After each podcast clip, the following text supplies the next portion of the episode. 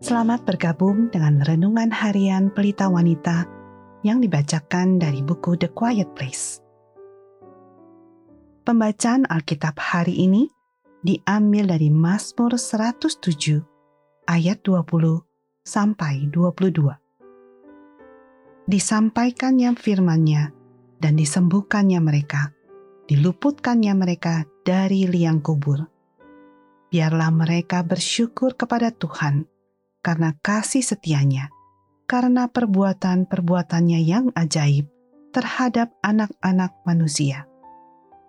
Biarlah mereka mempersembahkan korban syukur dan menceritakan pekerjaan-pekerjaannya dengan sorak-sorai. Ayat kunci hari ini adalah dari Mazmur 107 ayat 20. Disampaikannya firman-Nya dan disembuhkannya mereka diluputkannya mereka dari liang kubur. Ucapan yang melukai. Kita semua pasti pernah menerima kata-kata yang kasar dan menyakitkan. Dan ketika kata-kata itu mendarat di hati yang lembut dan peka, atau jika itu diucapkan ketika Anda masih muda dan mudah dipengaruhi, sang musuh tahu persis bagaimana memunculkan kalimat buruk itu kepikiran, entah dari mana, menyebabkan Anda merasa terluka, rendah diri, dan ditolak lagi. Anda hampir tidak dapat menahannya.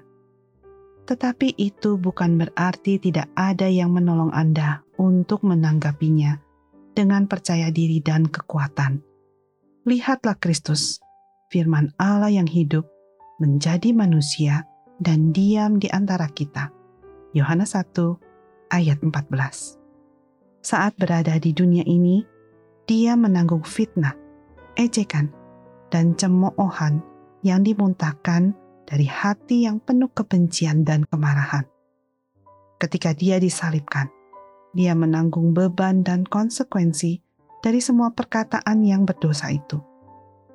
Dengan melakukan itu, dia melucuti kekuatan dari setiap kata jahat yang diucapkan atas Anda untuk mengalahkan dan menghancurkan Anda. Itu tidak berarti Anda akan melupakan setiap hal yang menghantui dan menjengkelkan yang pernah dikatakan kepada Anda.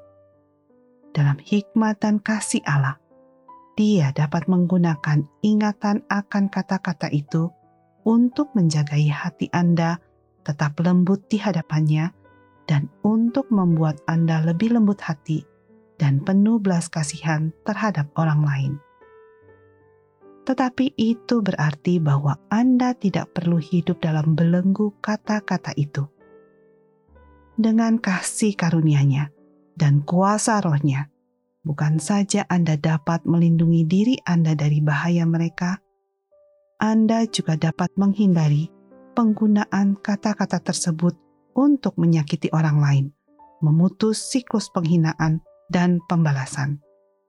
Jadi, ketika Anda merasa dikutuk atau dikendalikan oleh apa yang orang lain katakan kepada Anda, larilah kembali ke salib, di mana Kristus, firman Tuhan yang hidup, mati untuk menyembuhkan luka-luka yang disebabkan oleh dosa milik Anda atau orang lain, dan untuk membebaskan Anda dari kata-kata yang kasar yang merusak. Sebagai penutup, mari kita renungkan pertanyaan ini.